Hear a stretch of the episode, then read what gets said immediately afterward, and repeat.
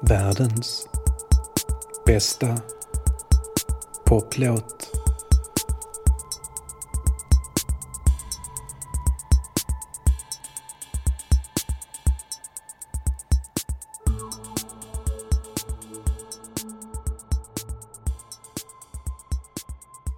Hej Shabaloba alla popmusikuppskattare. Jag är Nils Karlsson och det här är världens bästa poplåt. I den här femte omgången pratar vi om låtar vi känner igen från film eller tv eller scenen. Låtar som får en annan dimension av att befinna sig i ett annat konstnärligt sammanhang än sig själva.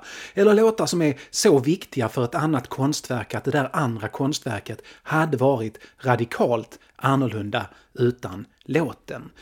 Det är om det senare det här avsnittet handlar. Som vanligt, bli Patreon på Patreon för att sponsra podden och de avgifter jag betalar för att kunna spela musiken vi lyssnar på tillsammans. Det finns bonusavsnitt och avsnitt om filosofi på Patreon, en massa grejer, bara massa godis, spellistor och sånt också. Om man är lagd åt det hållet kan man också lyssna på det här avsnittet i en Directors Cut som världens bästa poplåt Deluxe Edition på Spotify där man får fler låtar och ett litet eftersnack. Det är möjligt att det blir som med filmen Alien, att de där extra scenerna inte bara gör upplevelsen bättre, men det är i alla fall en möjlighet om man vill undersöka den.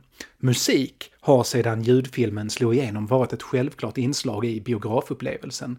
Med bra ljudsystem, i alla fall för sin tid, oavsett när det handlar om, i ryggen kunde musiken förstärka och förändra scenerna som utspelade sig på duken. Och med rätt poplåt, eller slager eller klassiska stycke kunde regissören plocka fram känslor publiken redan hade kring musiken och placera dessa känslor rätt in i handlingen.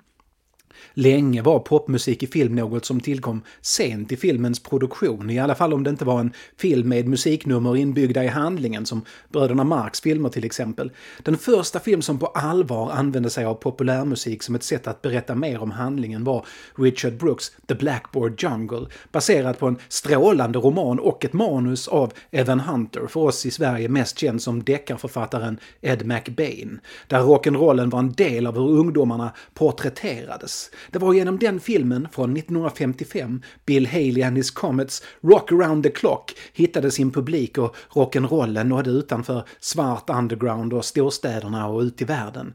Brooks använde musiken för att visa att de här ungdomarna är farliga, inte som de vuxna och de lyssnar inte på samma skit som du farsan. Farsan tänk till, vad är det de vill? De burar in dina egna barn och så vidare. Det var med Mike Nichols The Graduate, mandomsprovet på svenska, som pop popmusik i film tog nästa utvecklingssteg. Här är musiken inte bara något som berättar för oss vem en person är, utan här tar musiken, popmusiken, oss rätt in i en persons själ och förebådar hela filmen. Direkt när filmen börjar så kommer den, musiken, och berättar allt vi behöver veta om Ben Braddock, ni vet han som spelas av Dustin Hoffman, om hans oro, om tiden han lever i och egentligen om den konflikträdsla som finns i rollfiguren. Tystnaden han måste våga bryta för att bli vuxen. Han är på väg någonstans men han vet egentligen inte vart. Slut ögonen och tänk att du är på ett flygplan 1967. Los Angeles weather is clear, temperature 72. We expect to make our 4 hour and 18 minute flight on schedule. We have enjoyed having you on board and look forward to seeing you again in the near future. Darkness, my old friend. I've come to talk with you again. Because a vision softly creeping left its seeds while I was sleeping.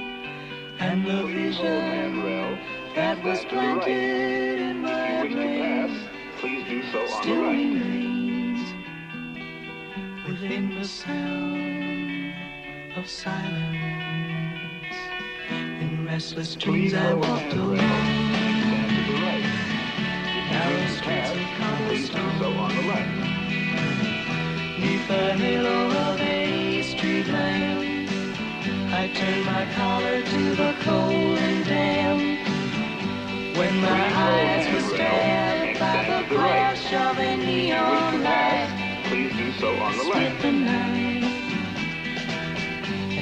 the sound of silence.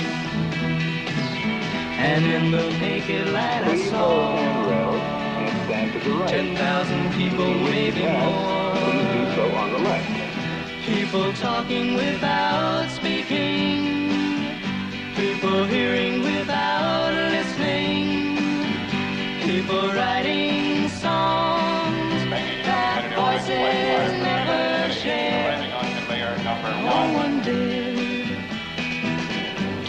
disturb the sound of silence. Who said I you do not know? Silence like a cancer grows. Hear my words that I might teach you. Take my arms that I might reach you. But my words. Attention, please. like Parking in this area is limited to three minutes only. Please do not leave your car unattended. sounds of silence.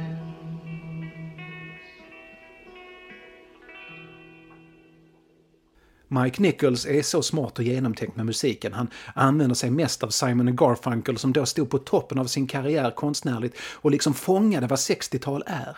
Först på slutet återanvänder Nichols Sound of Silence och då är den som ett jävla slag rätt i magen. Ben tycks ha växt upp, han verkar inte vara samma Ben som när han satt där på flygplanet i början. Det finns hopp. Han är fri från Mrs Robinsons ekonomiska och sexuella förtryck och han har rusat till sin älskades bröllop och hindrat henne från att gifta sig med en trygg och ekonomiskt stabil man som hon egentligen inte älskar. För hon vill nog egentligen ha Ben, kanske, men hon vet inte. När Ben erbjuder henne möjligheten att rymma så tar hon den. Bröllopsgästerna blir vansinniga men Bell och Elaine lyckas blockera kyrkans dörrar och förvandlar nog kyrkan till en dödsfälla om det skulle börja brinna, kommer jag på nu, och springer mot bussen. Det är frihet, det är kärlek, det är låt dem oss fröjdas i ungdomens dagar, men när de satt sig längst bak i bussen så stelnar först deras leenden, sen försvinner leendena helt, kommer tillbaks ansträngt och sen borta. Och så kommer Sound of Silence igen. Den berättar dels att Ben inte har förändrats, dels att de faktiskt inte har något att prata om. Och så, eftersom skärpan ligger totalt på Elaine på riktigt för första gången i filmen, säger den att det kanske är Elaines låt nu, inte Bens. Det är hon som måste slå sig fri. Inte bara från mamma och förväntningarna därifrån, utan kanske även från Ben. Vi vet inte, men vi vet att det är ett fantastiskt sätt att använda musik i film på. På 1980-talet blev film en självklar del av hur man lanserar musik, något som kanske pikade med Rocky 4 1985, som faktiskt mest är en enda lång musikvideo för att sälja soundtracket. Mike Nichols sätt att använda popmusik var normen på 90-talet inom film. Quentin Tarantinos filmer hade inte varit något speciellt om det inte varit för hans sätt att ställa en poplåts känsla i kontrast mot det som sker i filmen, till exempel. Men det var på bio. På TV var det annorlunda, men det skulle komma att förändras. Efter MTVs genombrott på 1980-talet hade stereo-tvn blivit standard för tv-apparater. Men det var fortfarande inte så att tv-serier hade nappat på att använda musik så som film använder musik. Dels var det dyrt att köpa loss licenserna för musiken och dels var produktionstempot ofta så högt att det inte gick att lägga särskilt mycket tid på att hitta rätt låt till rätt scen.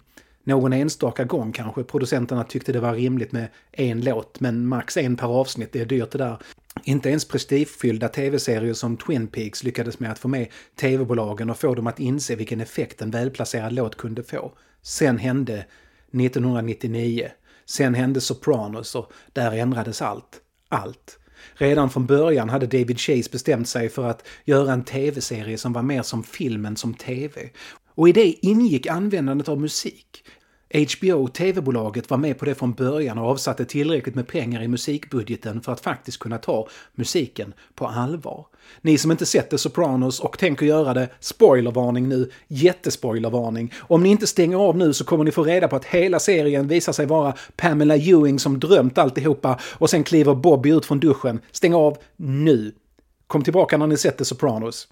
Några av er är kvar? Bra, då kör vi. David Chase, författaren som skapade The Sopranos, hade tre tankar med serien. Dels att utforska vad som kunde göras med tv och det längre formatet jämfört med film, som en tv-serie onekligen är. Dels skildra de delar av maffialivet som inte så ofta får vara med på film. Det som bara skymtar förbi, det vill säga vad gör de där maffiasnubbarna när de inte mördar varandra eller snackar brottsliga affärer i dunkel belysning. Och dels att berätta om kvinnorna i maffiamännens närhet. Han, liksom ungefär alla män, det ingår tydligen i Y-kromosomen, älskade Martin Scorseses Goodfellas. Men det han älskade mest var inte Joe Pescis monologer och ultravåld eller att skiva vitlök med rakblad, utan scenerna med Lorraine Bracco som maffiafru. Det var i de scenerna det verkligen tände till och det mest intressanta med Henry Hill, huvudpersonen spelad av Ray Liotta, var relationen med frun. Hans önskan om att kombinera någon form av familjeliv med ett liv utanför hemmet fyllt av sex, droger och våld och att han till slut, när allt ställs på sin spets, väljer ett tråkigt medelklassliv i vittnesskyddsprogrammet tillsammans med frun istället för ett med fart och adrenalin. David Chase skriver ett första utkast till ett pilotavsnitt och gör en planering för första säsongen. Den håller inte, saker förändras, men att han tänkte sig Lorraine Bracco som fru till en gangster och Nancy Markhand som gangsters mamma var klart redan från början. Han döpte gangsters mamma till Livia efter kejsar Augustus andra fru och framförallt efter hur denna andra fru spelades av Sean Phillips i I Claudius. Manuset utgick från två starka kvinnor. Bracco tackade nej till rollen eftersom hon inte ville bli förknippad med maffiafruar hela sin karriär, men hon föreslog att hon skulle kunna spela gangsterns psykolog istället. Eftersom David Chase verkligen ville jobba med Lorraine Bracco så gör han psykologens roll större och det innebär även att gangstern, som nu heter Tony Sopranos, roll växer. Det blir naturligt att det är han som står i centrum, omgiven av tre kvinnor som på olika sätt påverkar honom både privat och i gangstrandet. Den utvecklingen har HBO inte något emot alls eftersom de tror att en tv-serie om maffian som är mer som en maffiafilm än som ett relationsdrama troligen kommer nå större publik. Den når en enorm publik och den gör HBO till ett av de allra största tv-bolagen och musiken är med redan från början. Vinjetten till The Sopranos är som en liten film i sig och precis som inledningen till mandomsprovet så berättar den egentligen allt vi behöver veta om Tony för att förstå hans grundläggande konflikt, den mellan arbetslivet som i mångt och mycket går ut på att förtrycka och mörda folk, i alla fall att ta deras pengar med ett uttalat våldskapital som påtryckningsmedel och familjelivet.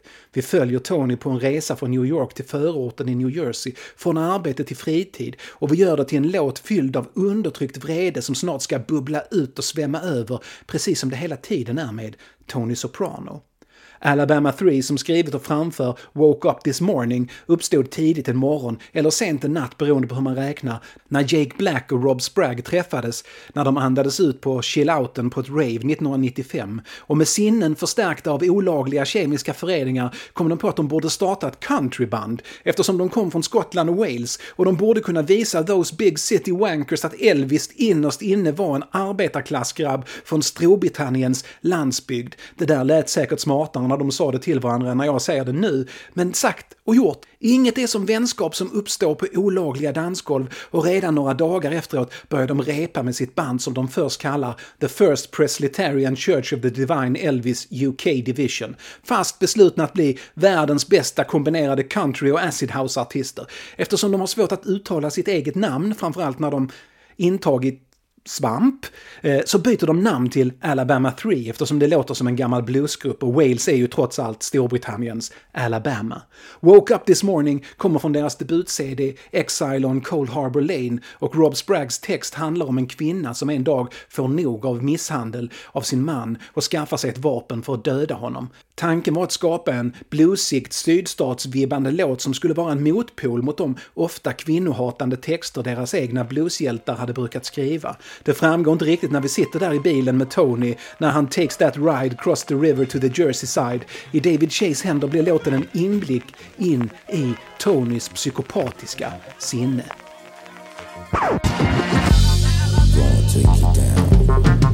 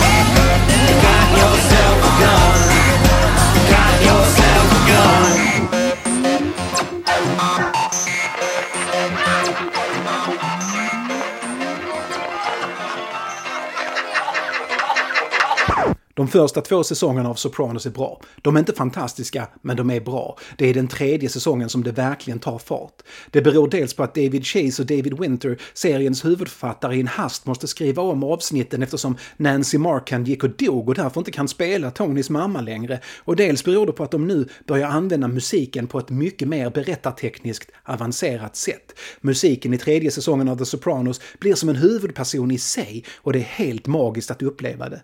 Den tredje säsongen hittar också tillbaks till David Chase ursprungliga idé om att skildra kvinnorna kring maffiamännen och i och med att en modersgestalt som präglat och plågat Tony försvinner, hon dör redan i andra avsnittet av någon sorts kombination av hjärnblödning och dåliga datoranimerade specialeffekter, måste bredda perspektivet för berättelsen.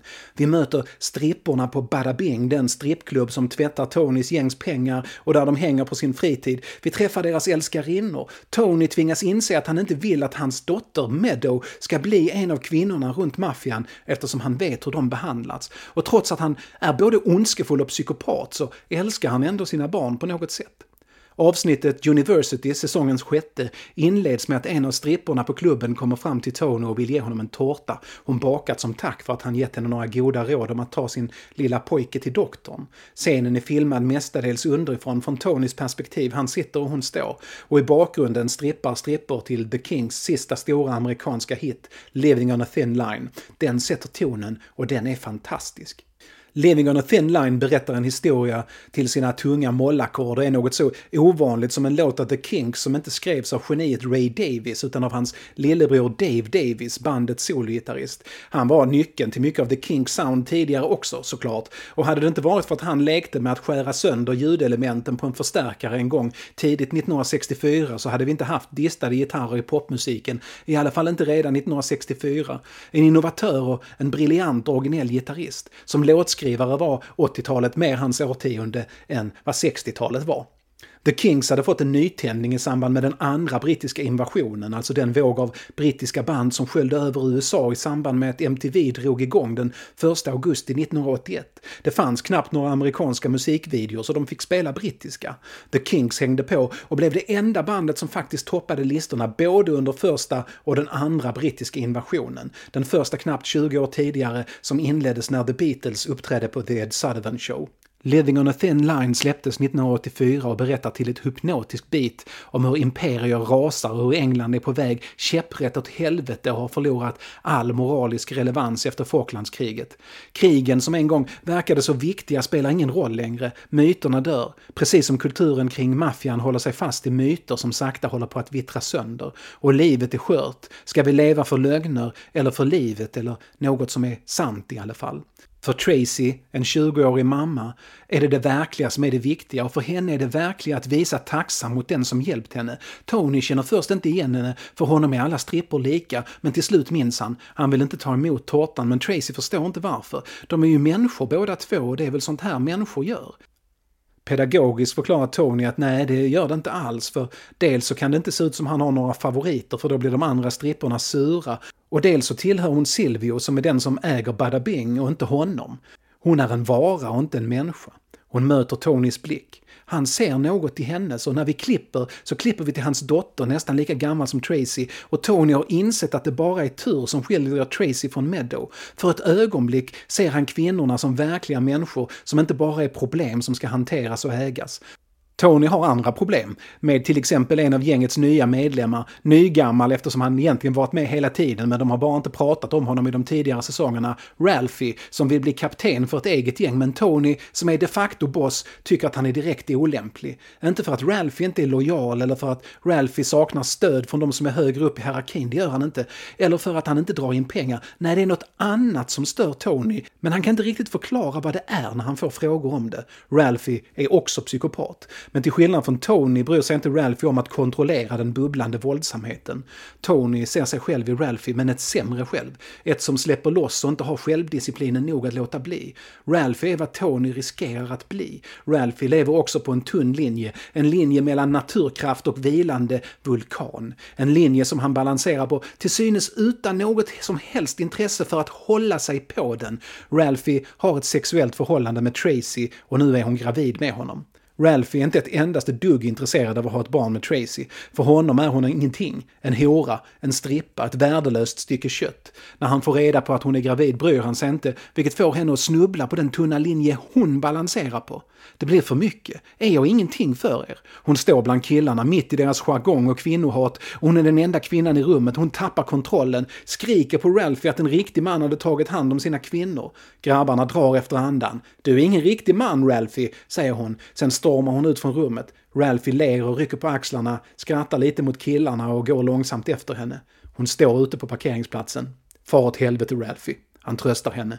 Först verkar han genuin och hon vill så gärna tro att han är en riktig människa och inte bara ett skal. Jag har inte ringt dig på tre dagar för att jag måste jobba, förstår du väl, säger han. Han säger att om det blir en flicka så ska hon heta Tracy eftersom hon också kommer bli en lika smutsig och värdelös kuksugare som sin mamma och då tappar hon helt kontrollen, slår honom i ansiktet och säger att han har liten kuk och att han inte är en riktig man. Han funderar en sekund. Ska han hålla igen? Ska han hålla sig på linjen? Han skiter i det och slår Tracy tre gånger i ansiktet med knuten näve. Sen krossar han hennes huvud mot ett vägräcke.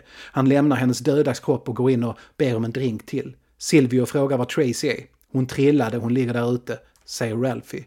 Männen går ut och hittar Tracy med mosat huvud. Tony översköljs av ilska och trycker upp Ralphie mot ett stängsel och slår honom flera gånger för att han inte visar respekt mot strippklubben. Senare hos psykologen, nu tillsammans med sin fru Carmella eftersom deras äktenskap knakar, pratar de om Meadow, dottern som snart fyller 20 och som går igenom en jobbig period. Då berättar Tony om Tracy, inte rakt ut, han håller fortfarande detaljerna om maffian borta från både terapin och frun, men han säger att en ung kvinna dog på hans arbetsplats. Meadow är nästan lika gammal. Det är sorgligt när de dör så unga. Och den där blicken som visar insikt om att kvinnor också är människor återkommer. Living on a thin line spelas en gång till och knyter ihop avsnittet och sen tonar vi till svart och eftertexterna rullar.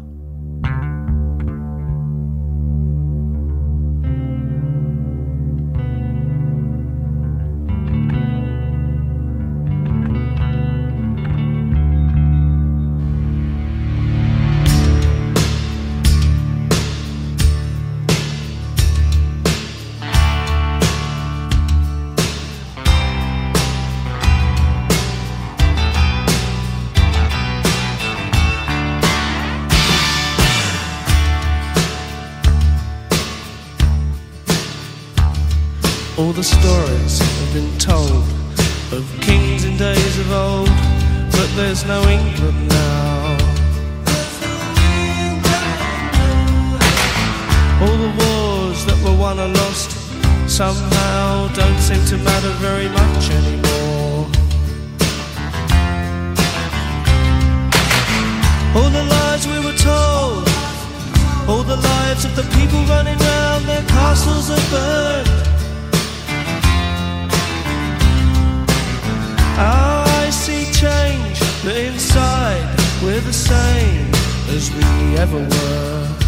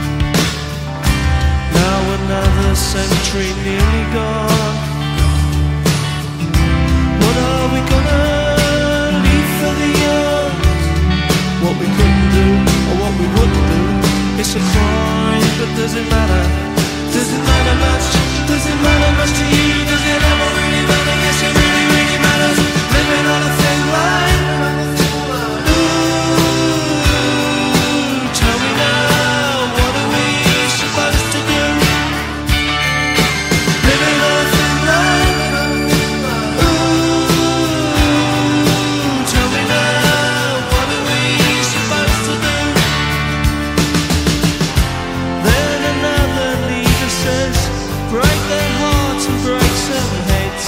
Is there nothing we can say?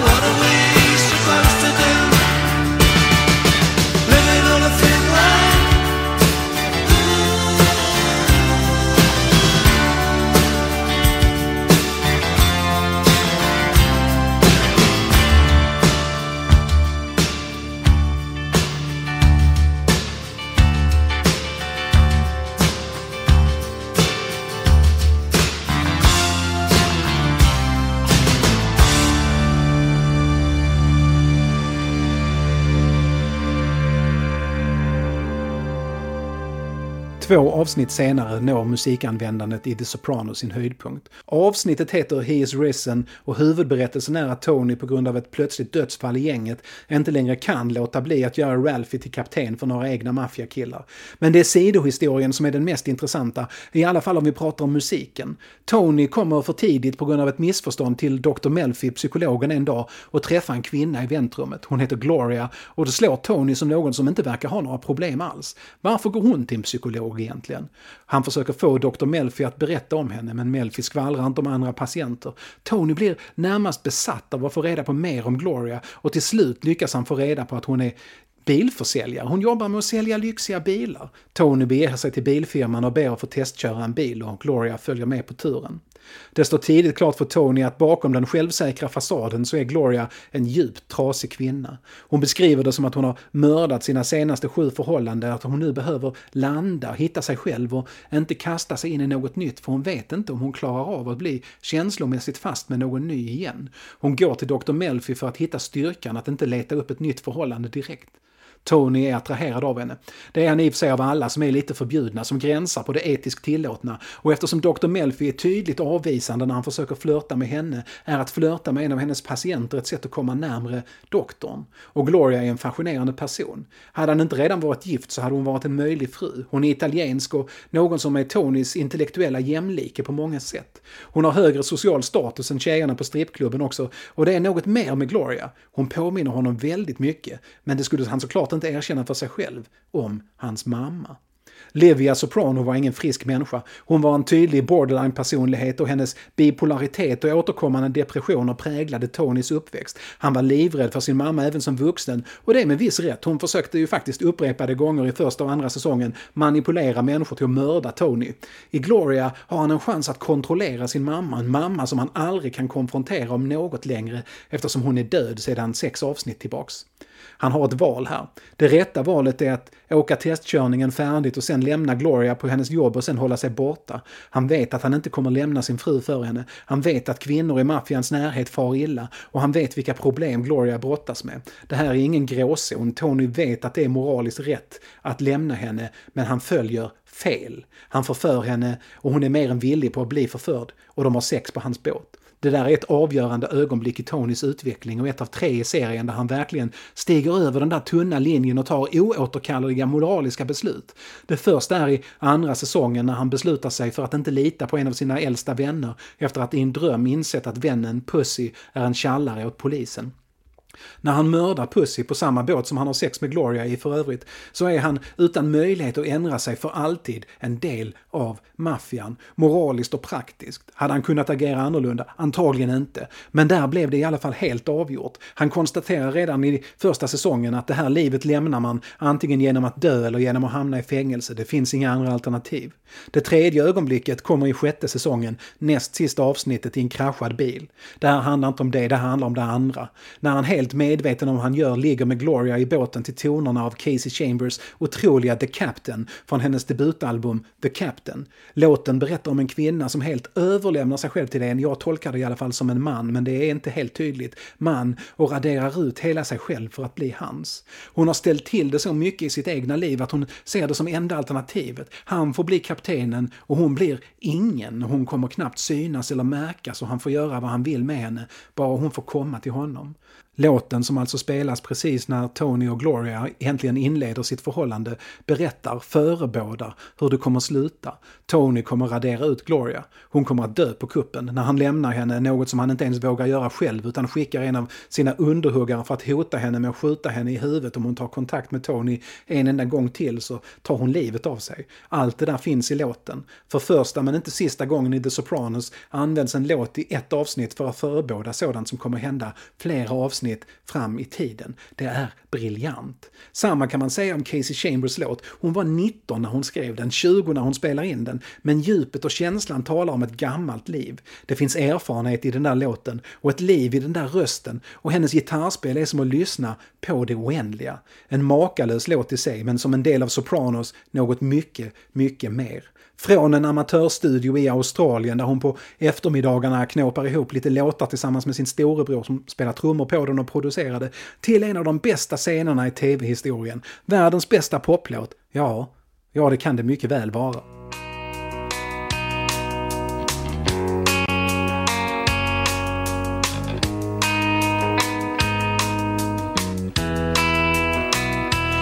I don't have as many friends because I'm not as pretty as I was. I've kicked myself at times because I I've lied. So I will have to learn to stand my ground. I tell them I won't be around. I move on over to your town and hide. And you be the captain and I'll be no one. And you can carry me away if you want to. And you can lay low, just like your father. And if I tread upon your feet, you just say so. Cause you're the captain, I am no one. I tend to feel as though I owe one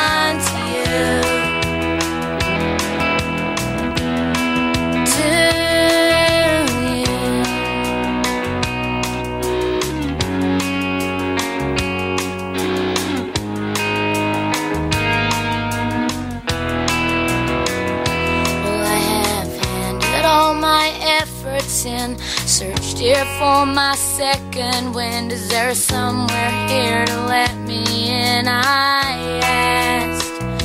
So I slammed the doors, they slammed at me. I found the place I'm meant to be. I figured out my destiny at last. And you be the captain and I'll be no one.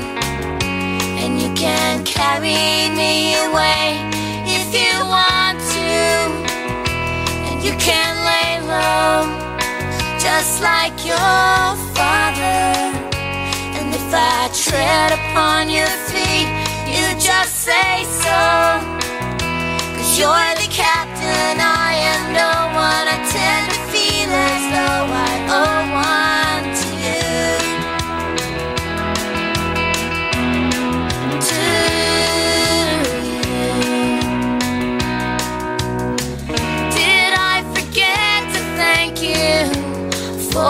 for I hadn't tried? I tend to run away and hide. You be the captain, and I'll be no one. And you can carry me away if you want to. And you can lay low, just like your father. I tread upon your feet, you just say so. Cause you're the captain, I am no one. I tend to feel as though I owe.